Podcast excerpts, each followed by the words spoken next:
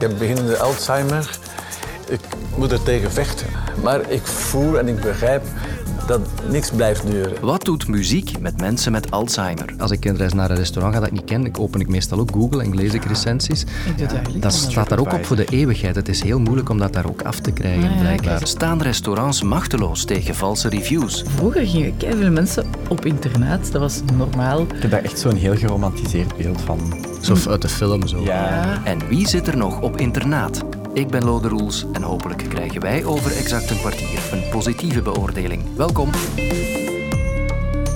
Ik heb beginnende Alzheimer. Een emotioneel moment vanochtend op Radio 2. Wiltura vertelde dat hij een vorm van dementie heeft. En ik wil het op een verstandige manier naar buiten brengen. Dat de mensen beseffen van, wil, weet wat hij wil. Optreden zal hij dus niet meer doen. Al zal muziek altijd een rol blijven spelen in zijn leven. Dat zingt hij ook in zijn allerlaatste single. Ook nu blijf ik passief zingen.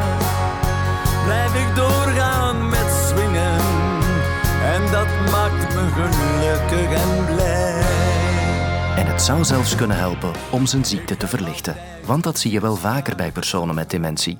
Zelfs als ze de naam van hun partner vergeten, kunnen ze soms wel nog altijd liedjes uit hun kindertijd meezingen. Waarom blijft muziek zo lang hangen, ook als mensen al de rest vergeten? Hoort u mij ook goed uh, of ben ik minder goed verstaanbaar? Neuroloog Sebastiaan Engelborgs van het UZ Brussel. Wel, er is een korte termijn geheugen en een lange termijn geheugen, kort door de bocht. En dat lange termijn geheugen kunt je opdelen in verschillende stukken. Eén stuk is het kennisgeheugen en dat wordt preferentieel aangetast bij een ziekte van Alzheimer. En we leven in een kennismaatschappij, dus voor mensen met een ziekte van Alzheimer is dat eigenlijk een, een serieuze handicap. Uh, mensen met een ziekte van Alzheimer riskeren daardoor uh, snel uitgerangeerd te worden in onze maatschappij, helaas. Terwijl die andere delen van het lange termijn geheugen veel langer overeind blijven. Zoals bijvoorbeeld ook het procedurele gedeelte van het geheugen. Het geheugen waar automatismen zitten, waar vaardigheden zitten. Muzikanten hebben het vaak over het spiergeheugen.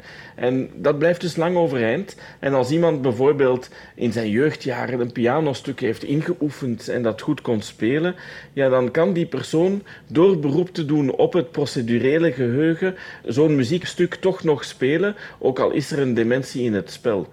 De persoon zal geen noten meer kunnen lezen, bijvoorbeeld, gaat misschien niet meer kunnen zeggen van welke componist het muziekstuk was, maar kan het wel nog steeds spelen. Net omdat het op een andere plaats in het lange termijn geheugen uh, zit uh, dan het kennisgeheugen dat als eerste wordt aangetast bij de ziekte van Alzheimer.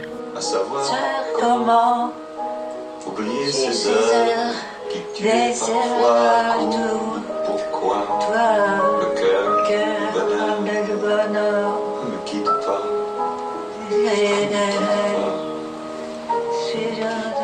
Personen met dementie kunnen afgevlakt worden en je denkt dan van, er zijn geen emoties meer. En als je dan die persoon laat luisteren naar een favoriet muziekstuk van vroeger, dan kan het gebeuren dat je opeens toch overweldigende emoties ziet. Via het kennisgeheugen heb je geen toegang meer tot het emotionele brein, maar via andere delen van dat lange termijn geheugen kunt je wel nog toegang hebben. Ja, men is zich bewust van dat feit aan het worden en veel meer zorg is, is veel persoonlijker aan het worden.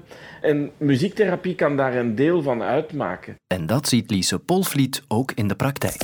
Ik ben beleidsmedewerker bij Cor en Stem en ik ben voornamelijk trekker van het project Zingen met personen met dementie. Wij hebben uh, intussen uh, drie cd's uitgegeven en op onze tweede cd staat muziek van Wiltura. Daar staat Eenzaam zonder jou op. Ik ben zo eenzaam zonder jou. Wetenschappelijk onderzoek toont aan dat de muziek tussen 12 en 25 jaar het langste blijft hangen.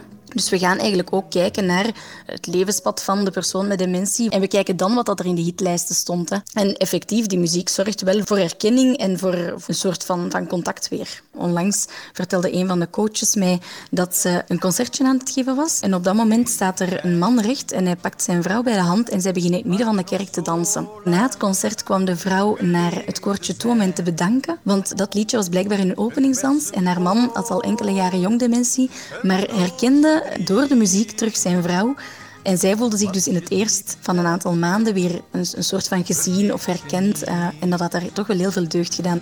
Die eerste straf die je moeder gaf, om een vlek op je zondagspak. Dit alles staat nog voor je geest. Heel vaak als we vormingen gaan geven, verwachten mensen ook wonderen. Verwachten mensen dat muziek ineens de oplossing gaat zijn voor dementie of voor Alzheimer. En helaas was het maar zo gemakkelijk. Muziek kan nog altijd geen dementie oplossen. Maar we kijken dan ook wel naar hun lichaamstaal. Tikken ze mee, lachen ze, bewegen ze, wiegen ze, knijpen ze in uw hand. En rust is natuurlijk ook erg belangrijk. Iemand die tot rust kan komen, zal daarna ook wel opener kunnen zijn en misschien wel tot, tot verbinding kunnen komen. Wat je diep vergeet je niet.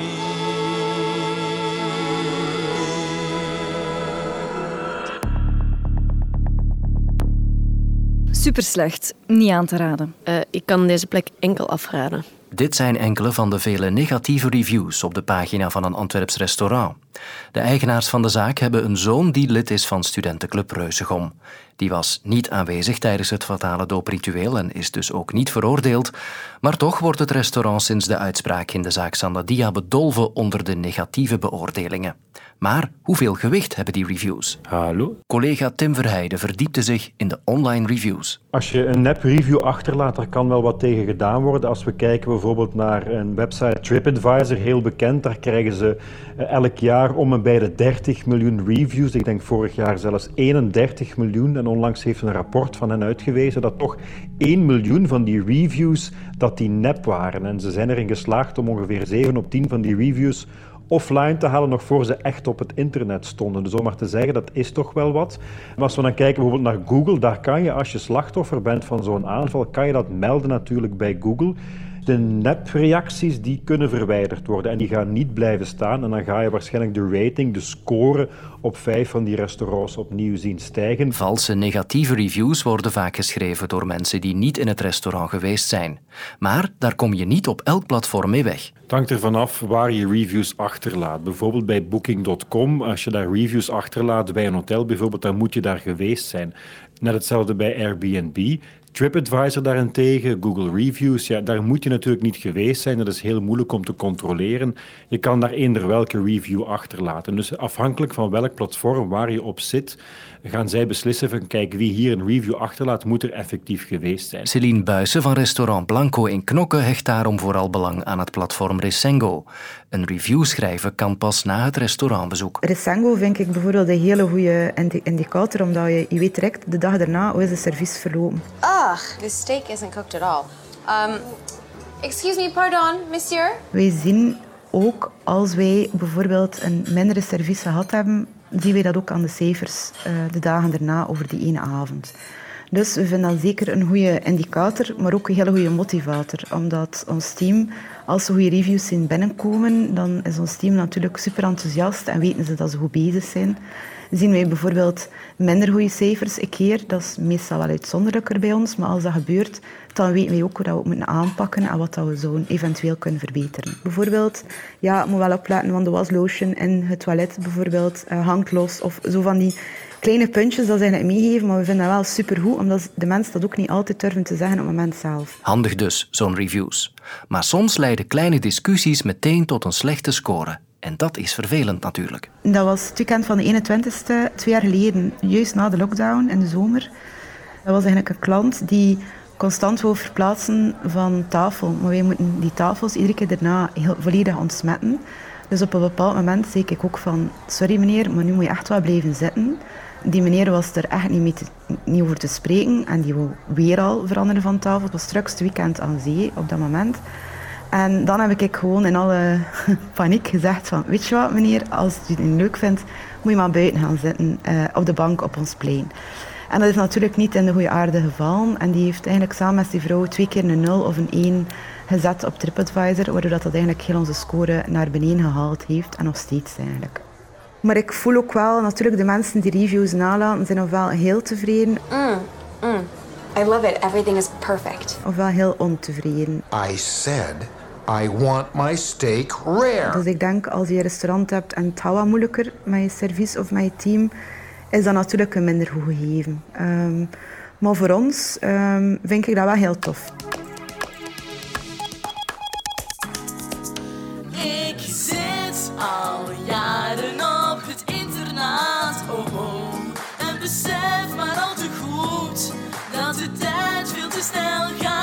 Vlaams parlement heeft gisteren gedebatteerd over nieuwe regels voor internaten. Die zouden vanaf september gelden. Er komt een eenvoudigere erkenningsprocedure en één uniforme regelgeving en budget.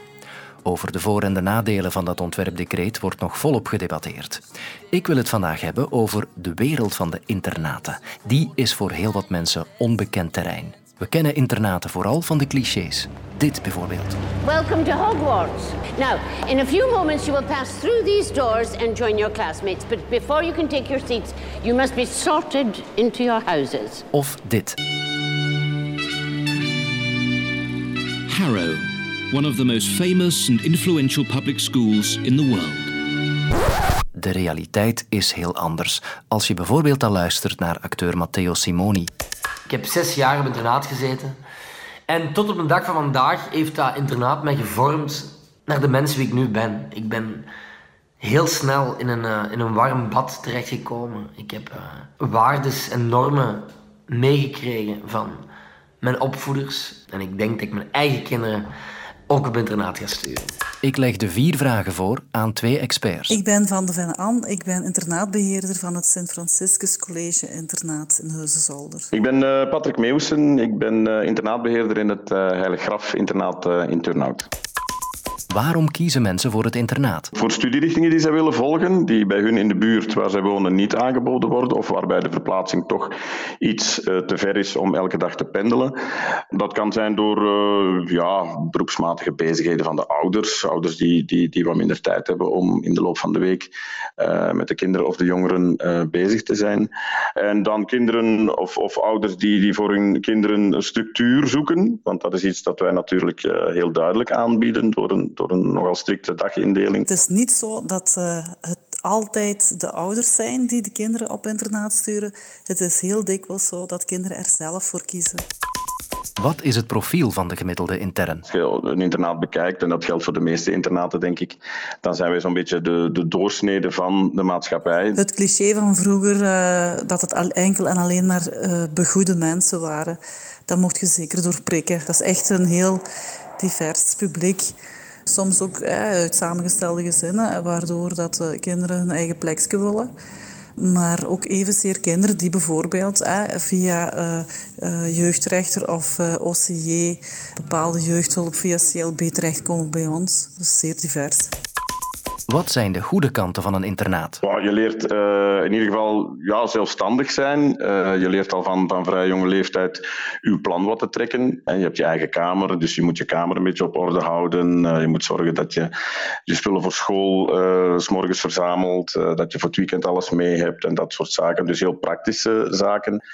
aangezien wij een, een, duidelijke structuur hebben met ook dagelijks een blok studie die daarin zit, worden ze op internaat eigenlijk ja, door de groepsdruk verplicht om aan die studie deel te nemen. Hè. Daar waar ze thuis nog een beetje vrijblijvender zijn misschien, wordt het door ons opgelegd. En, en op dat moment kunnen ze ook niks anders doen binnen het internaat. Dus ze zijn eigenlijk wel verplicht om uh, op dat moment voor school bezig te zijn. Het boeiende aan kinderen die op internaat komen is, je krijgt, die komen eigenlijk heel timide of heel introvert. Sommigen, hè, niet allemaal, komen binnen en ontplooien zich tot een, uh, tot een zelfstandige, verantwoordelijke jongvolwassenen op het einde van een internaatsleven, om het zo te zeggen. Die zeer assertief worden, die uh, zeer goed kunnen organiseren, die een goede studiehouding uh, aangeleerd hebben gekregen. Wat zijn de minder goede kanten van een internaat? Heimwee, ja. Kinderen die in het begin zeggen van Goh, ik mis toch mama of papa, of ik mis toch een stuk vrijheid wat ze thuis hebben. Uh, daar bedoel ik mee.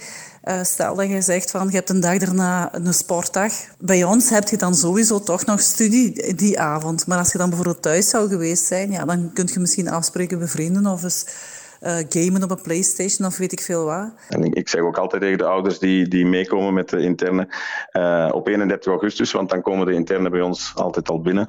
Er zijn heel wat vaders en moeders die het die 31 augustus veel lastiger hebben dan de interne in kwestie. Dus uh, het probleem zit, wat dat betreft zit, zit eerder bij de ouders dan bij de interne zelf. Ons ga je in elk geval tot na het weekend moeten missen. Op maandag is Sofier met een nieuw kwartier. Heb je vijf minuten? Michel Cuvelier zet elke vrijdag vijf nieuwe nummers in je playlist. De nummers waarvan je nog niet wist dat je ze nodig had. Ontdek vijf voor je playlist, nu in de app van VRT Max.